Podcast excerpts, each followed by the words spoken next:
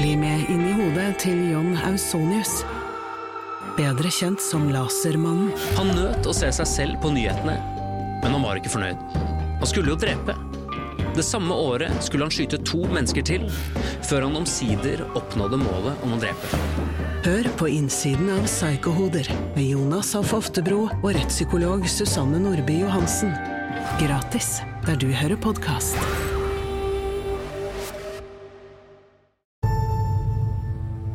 Jeg har kjent Jonny Hagelund i 30 år og vært med på noen av reisene hans. Men i denne podkasten kan du være med fotograf og eventyre Jonny Hagelund på tur til de mest eksotiske steder på denne planeten. Dette er Grenseløs, en podkast fra produsenten av Avhørt.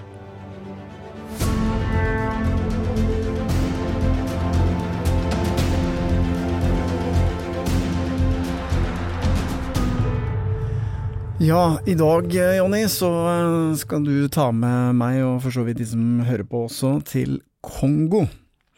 Og Ja. jeg tenker at de fleste av oss har vel en Når vi hører Kongo, så tenker vi ofte litt på kanskje det som skjedde med French og Moland, og vi vet kanskje ikke så veldig mye om det landet, bortsett fra at eh, det er vel ikke farefritt å reise der. Jeg har litt inntrykk av at det er et farlig land.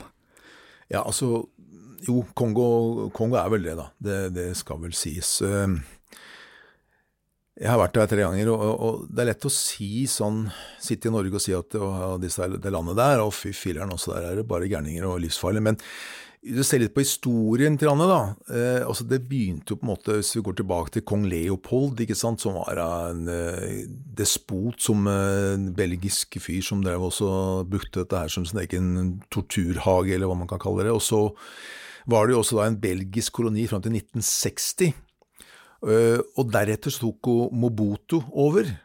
Han var jo også med kåra til den eh, kanskje farligste, mest korrupte despoten av dem alle, og det sier litt i en, eh, i en liksom Hvis du sammenligner ja, topp tyrann og despot. ikke sant? Det er jo, har jo vært noen opp gjennom historien, da. Så, men han var jo ikke sant, det var farlige greier. Og så, i 1996, så var det Kabila som tok over, men fra 1996 til 2003 så var det jo en borgerkrig som herja i Kongo.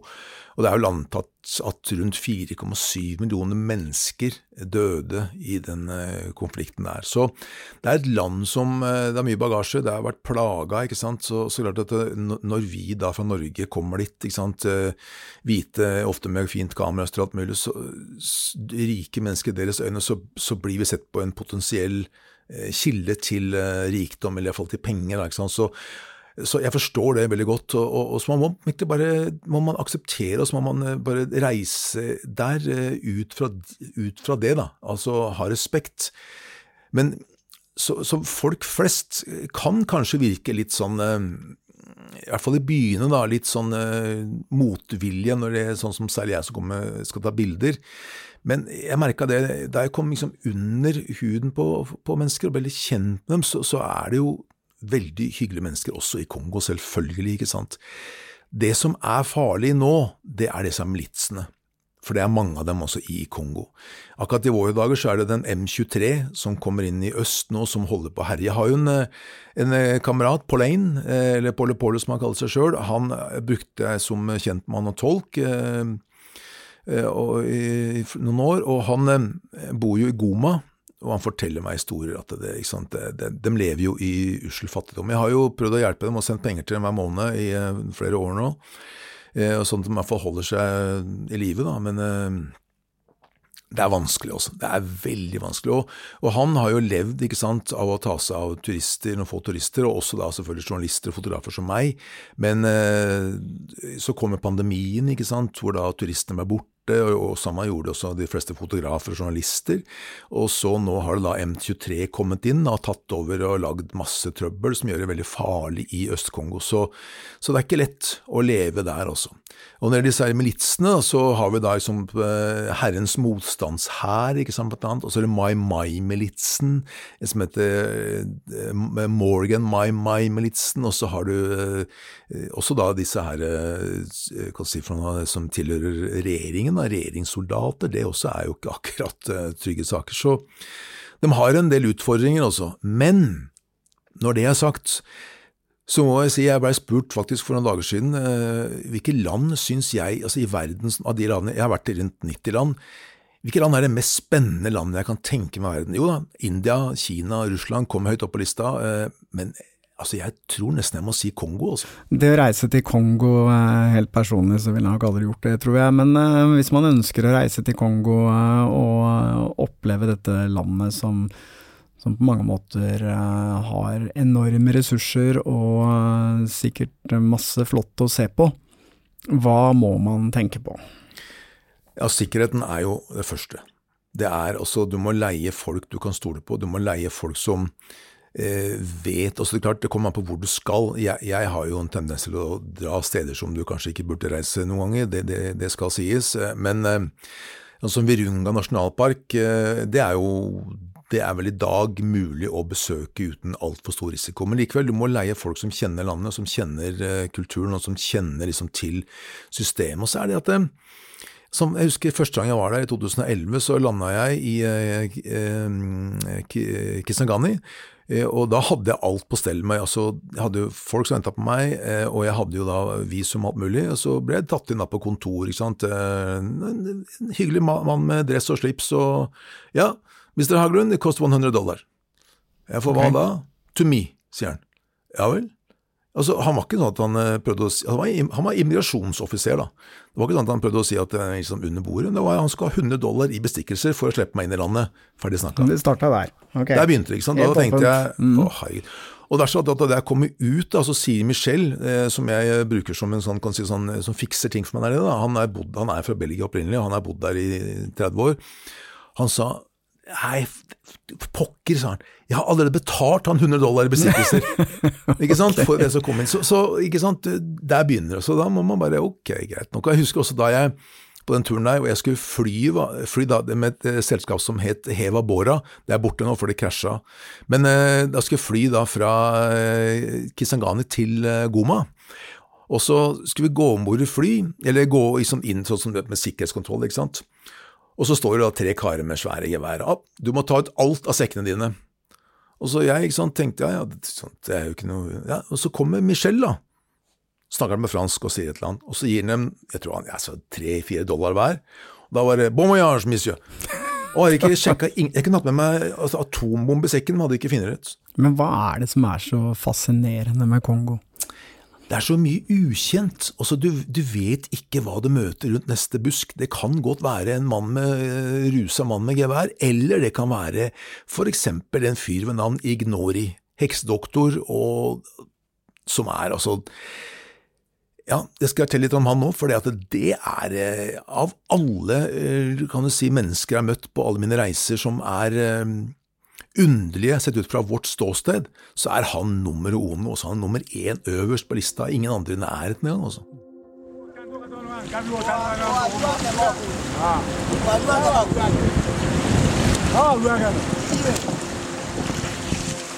Den turen jeg skal snakke om nå, er jo denne her turen på Kongo, er bare Kongofloden, som er verdens dypeste elv, faktisk. Eh, fordi det som er så fint da, som sagt med Kongo, er at det er så mye som er ukjent der. So now we're like 90 kilometers from Kisangani, and the ferry on Congo River takes one week from here yeah. to Kisangani. How, how uh, what was the name of this? Yangambi. Yangambi. Yangambi. Yeah, Yangambi. Yangambi. Thank you. Jeg hadde på en måte ikke noe sånn eh, mål. Altså, jeg hadde lyst til å bare oppleve Kongofloden. Jeg har jo lest denne, ikke sant, den derre uh, The Heart of Darkness av uh, Josef Konrad. Ikke sant, som handler om da Kongofloden og Kongo. Det er, det er fascinerende. Men eh, Bobu var eh, min kjentmann altså på elva, kan du si. Han snakka ikke engelsk. Og så hadde jeg med Jacques, som snakka engelsk og swahili og fransk. Og Vi reiste nedover elva, og det er altså første nettene vi kjørte hvor fort vi kom utenfor Kisangane, så stoppa vi små landsbyer, og folk var jo ekstremt nysgjerrige på meg. ikke sant? Det er ikke mange fra vår del av verden som reiser nedover der ikke sant? og stopper i små landsbyer.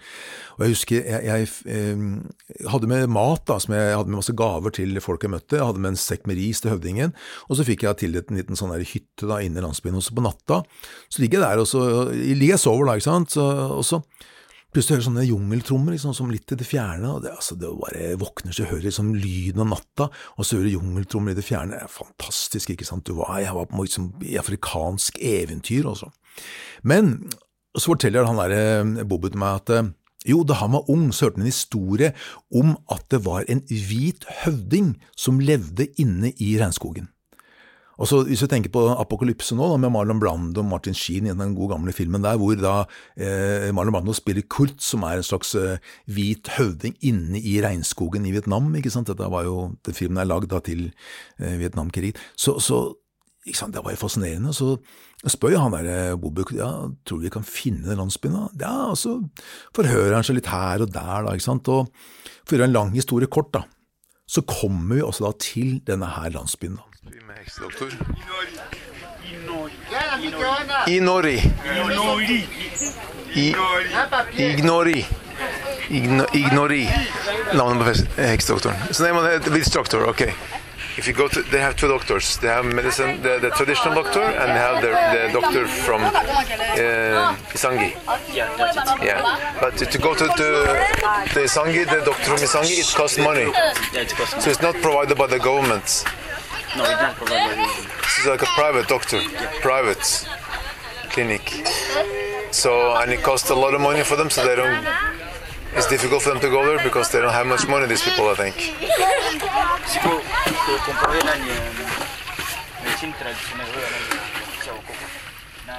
Så til å begynne med så, så ser det ut som en vanlig landsby. Den ligger jo langt inn i regnskogen. ikke sant? Vi jo, hadde jo vært på elva noen dager da, da vi kom dit.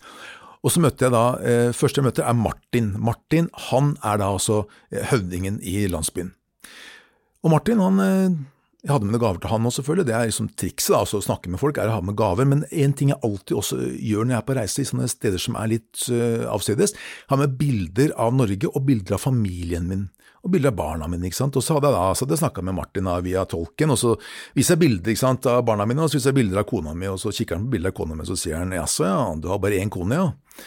Og så var vi liksom, uh, liksom kamerater, ikke sant. Og han forteller det, at for 19 år siden, altså, dette var jo, så, så bodde det da også en belgier her sånn, i seks år, som var stammehøvding i denne her lille landsbyen.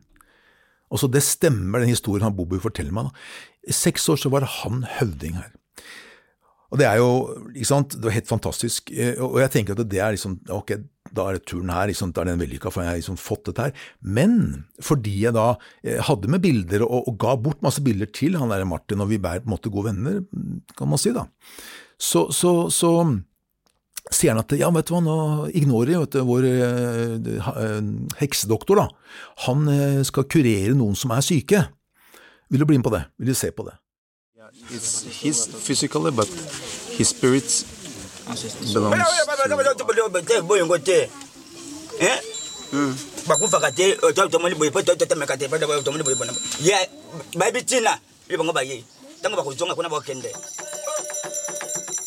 Ja, selvfølgelig, ikke sant.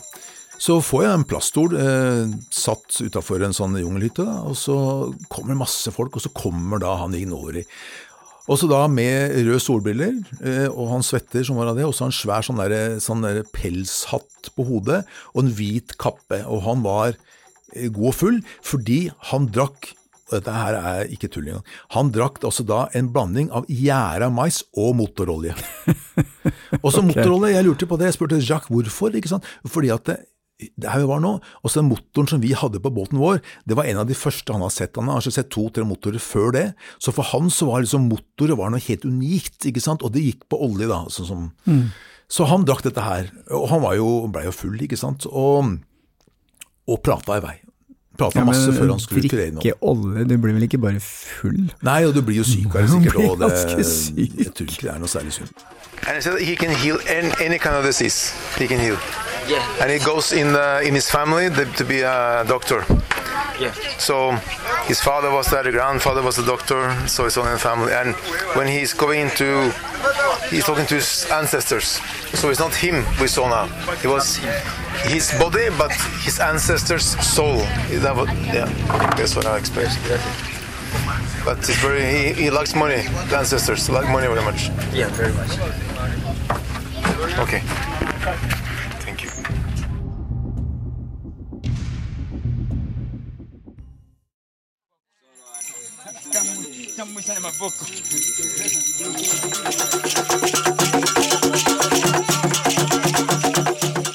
Ignori han danser og han prater og babler og blir jo ganske full og sikkert øh, syk og jeg vet ikke. i hvert fall. Men iallfall så øh, Ingen visste ikke sant, på forhånd hvem er det som er syke, og, og hvem skal bli kurert, og, så hvem, og hva skal, hvordan skal han kurere den personen der. Men etter å ha ferdig dan danse, og også litt synging og skravling og hoiing, så viser det at det er han som er syk. Ignori han har en ond ånd inni, inni hodet sitt. Og for å bli kvitt denne her ånden, da, så må han skjære seg i tunga med barberblad. Så han strekker ut tunga foran meg, jeg tar bilder, og han kutter seg tunga. Og babler i vei samtidig, og så tar han, etterpå tar han åpner en patron, og så tar han hele krutt oppi såra. ok, så han åpner først og skjærer hull i tunga si, og så fyrer han på med litt tenten på i tillegg, eller? Nei, det gjorde han ikke, da. Det var det jeg venta på, men han gjorde ikke det. For det han spør om da, skjønner du, han kikker han på meg, så sier han du, Mozungo, har du en ond ånd inni hodet ditt?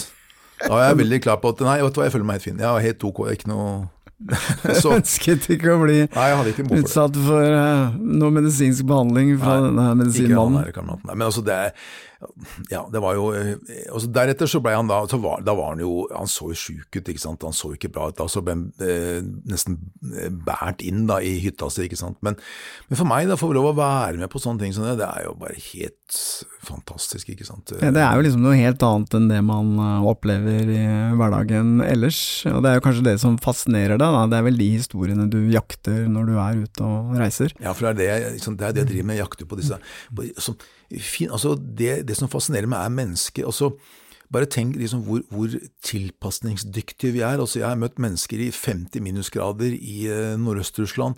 Jeg har møtt eh, mennesker i 50 plussgrader i Australia. Altså, vi, vi lever over hele verden i kaldt, varmt, eh, fuktig, tørt. Overalt så er det mennesker, ikke sant. Og, og, og det fascinerer meg. Og, og det som fascinerer meg mest av alt, er egentlig hverdagen til mennesker vi lever her i Norge, jeg lever mitt liv, ikke sant, familie og, og bor her sånn når jeg ikke ute og reiser.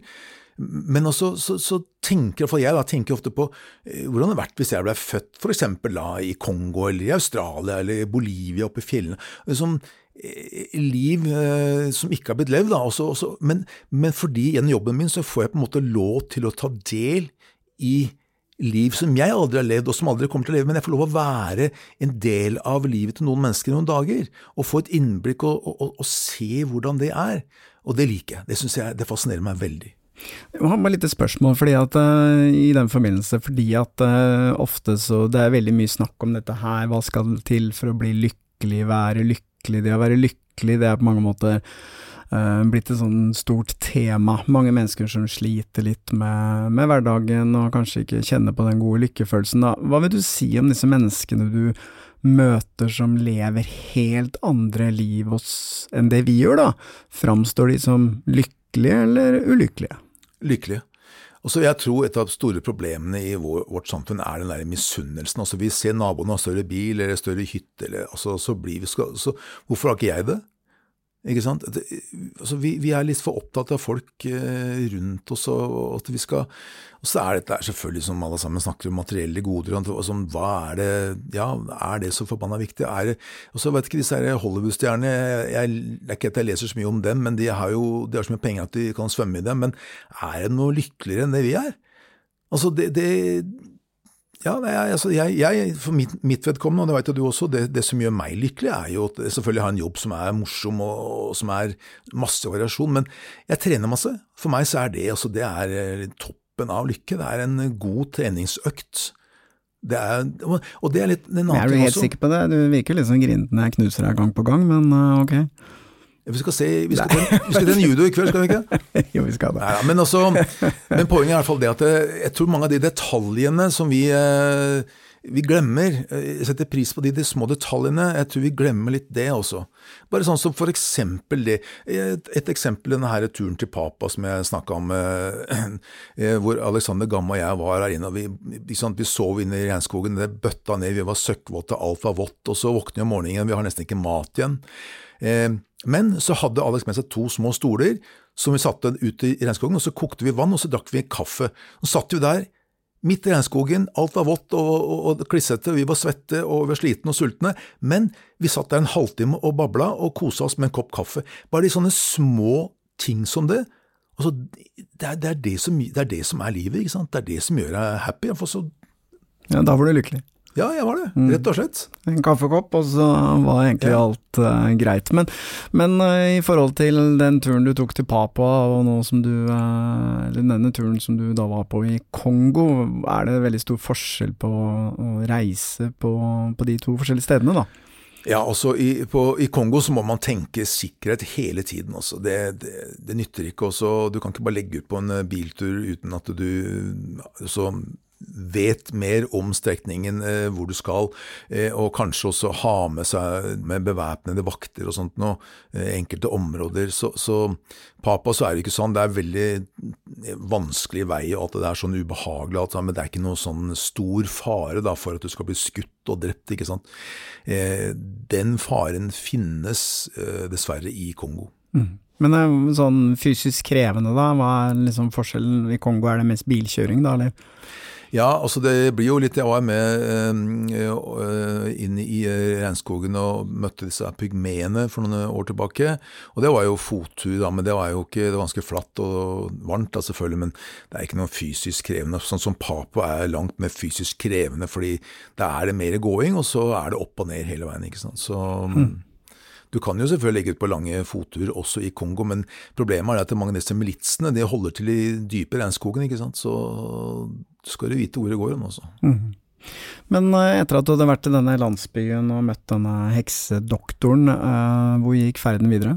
Jo, så jeg reiste jo videre langs eh, floden. da, vi flere titalls mil på denne floden her, sånn, og var også med eh, fiskere. Vi kom tilbake da, til Kisangane, så Vagenia-folket driver og fisker i Kongofloden, og det også er veldig fascinerende. fordi at Eh, langs bredden så står det stort sett bare unge jenter under 16 år, og de har da et slags eh, ikke nett, men eh, ja, det kan være et slags nett også, men ofte et tøystykke, hvor de da dykker ned i elva, og så fanger de fisken og putter den i munnen. Og når munnen er full, så tar de fisken med seg opp på land og putter i en liten sånn sånne, bøtte da, lagd av bast eller av bambus. Og litt lenger ut på elva så har mennene satt opp sånne skal vi si, slags, ja det er nett også da, som de har eh, satt ut, som da fanger fisken som kommer da nedover elva, altså nedover, følger stryket nedover. da. Og Så drar de ut da morgenen og kvelden, og så tar de inn fisken. og Det er ganske ville stryk her. også, Så jeg var med ut i en sånn en liten kano og, og satt jo altså midt i denne kanoen, disse gutta har jo vanvittig god balanse. De, jo, altså de, de, de, kjenner jo akkurat som de, kroppen dem styrer denne her kanoen. Men jeg, ikke sant, eh, stor hvit mann med svære kameraer, satt der i midten og følte meg litt utrygg. Men jeg kan jo ikke droppe å ha kameraet framme. Jeg kan ikke, altså jeg jeg er der for å fotografere, jeg kan jo ikke skrive en sang om jeg ser, jeg må jo på en måte ta bilder. Så, men det gikk veldig bra, det også. Og så ute i elva da, så klatrer de opp av disse her uh, greiene, så, som står da vaklevorene i, uh, i strømmen. Og laget av, bare lagd av bambus og lianer og jungelens materialer, og så plukker de da fisk derfra. Det var, eh, det var, fascinerende. Det var spennende. Og det, De fortalte det at det hendte også innimellom at tjuver dro ut for å stjele her sånn. Men det skjer, fortalte hun, rett som det er, at disse de dør. For de er ikke så vant med elva, så vant med strykene, at de, de faller ned ut av kanoen eller faller ned fra disse stillasene som de har disse nettene på, og blir dratt av gårde med strømmen og slår hodet i en stein og drukner. Så det fortalte de, det har skjedd rett som det er. Hvis det er noen av lytterne som tenker at uh, de har en drøm om å reise til Kongo, hva slags råd kan du gi dem?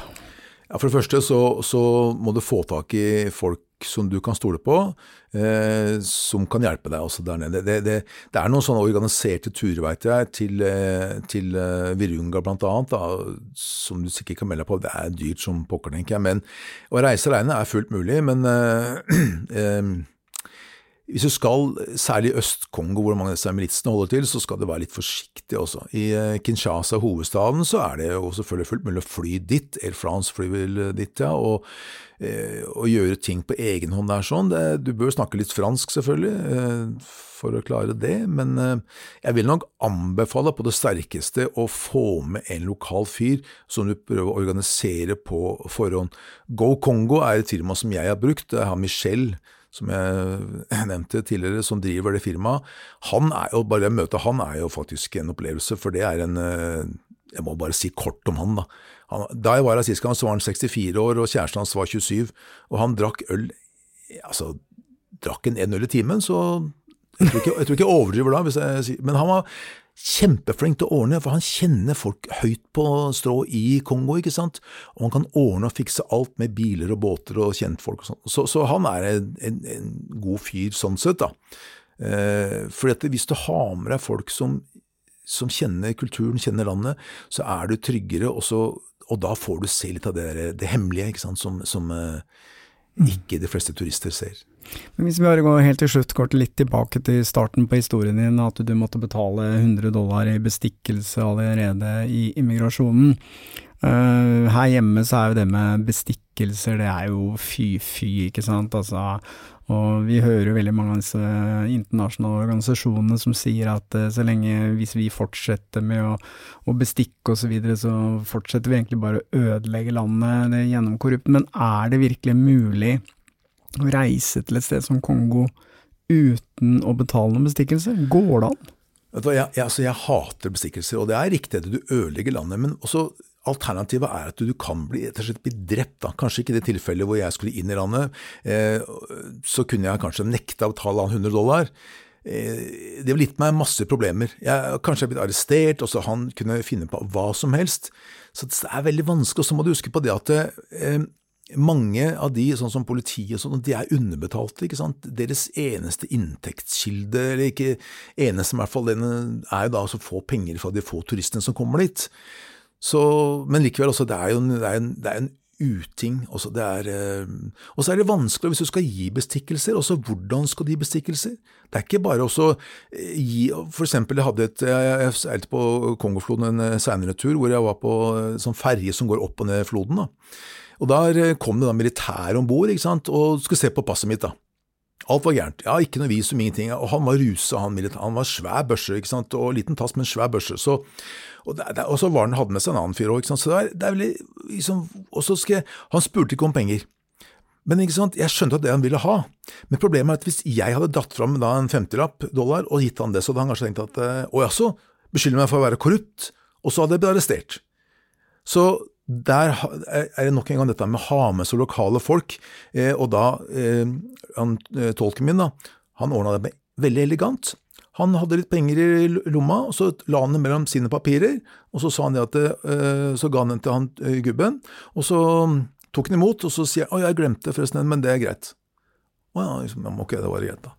Og så var det liksom, Da dro han av gårde fra båten og, og, og, og, kjøpte seg øl eller hva han skulle for noe, vet ikke. Men i hvert fall, det er, det er veldig vanskelig også. Så, også i tilfellet er sånn, så hvis jeg ikke hadde gitt han penger, altså, ja, hva hadde skjedd for noe? Hadde jeg blitt arrestert? Jeg vet ikke. Nei, men så slår det meg litt at, uh, at uh, hvis vi bare går til et uh, land som USA f.eks., hvor du har reist mye, jeg har reist mye, så jeg vil jo ikke kalle det bestikkelser, for det er ikke det, men det er jo en utpreget tipskultur som gjør at uh, uansett uh, hvis noen gjør noen verdens ting for deg, så er det forventet at du skal liksom betale ja. 5-10-20 mm. dollar. Ja. Uh, det jeg syntes vært litt sånn plagsomt, fordi at jeg kan ha bodd på et hotell, for eksempel, og så er det en fyr som åpner døra for meg. Og så skal jeg betale. Ja. Og, og, du kan jo Det er jo ikke en bestikkelse, men det er på mange måter en ganske stor Eh, jeg vet ikke om alle de pengene oppgis til skatteetaten, jeg aner ikke. Men, men, men, det er jo noe med den der kulturen der også, at du hele tiden skal betale, betale, betale for din minste ting, da. Ja. Uh, det er jo Jeg blir kanskje noen forbanna på meg nå, men det er jo kanskje litt noe av det samme. Altså, det er, det er en tjeneste, liksom, og ja. du skal betale litt ekstra for det i tillegg ja. til den lønna han får, da. Mm. Ja, det er det. Det er jo akkurat det samme. Altså ikke akkurat det samme, det er ganske likt. Det er helt riktig. Altså, du kan sitte på en restaurant i USA, ikke sant, og så så selv om eh, servitøren er håpløst dårlig, så, så har du ikke noe alternativ når du skal gå ut der. Altså, du kan velge å ikke betale tips, da, men da vil du bli Hvorfor ikke? ikke sant? Altså, du betaler automatisk 20% i tips til en servitør egentlig ikke, som egentlig ikke fortjener fem øre. Så, så ja, ok, det, det, det, er litt annerledes, men likevel så Du blir kanskje ikke skutt i USA, da, men, eh, eller arrestert for ikke tips, Nei, da, men det blir det nok sikkert ikke, men, men det er et eller annet på den derre En ting er at en restaurant har fått en service, men det jeg reagerer på er jo liksom ja, åpna døra for meg, penger, Ja, ja, ja, eh, jeg har allerede betalt for f.eks. en parkeringsplass, men han må kjøre bilen bort for meg, jeg får ikke lov å gjøre det selv. Uh, ok, så må jeg betale for det, og så Det, jo, det tar jo ingen ende. Neida, men jeg skjønner at du bor på litt dyrere hotell enn jeg gjør. Det forstår jeg når du snakker om folk som kjører bort bilen for deg og åpner døra for deg. De hotellene jeg bor på, så er det ingen som gjør det, for å si det sånn. okay. Jeg, jeg skjønner hva du mener, men jeg, jeg er enig også. Det er, det, er, det er ikke langt unna.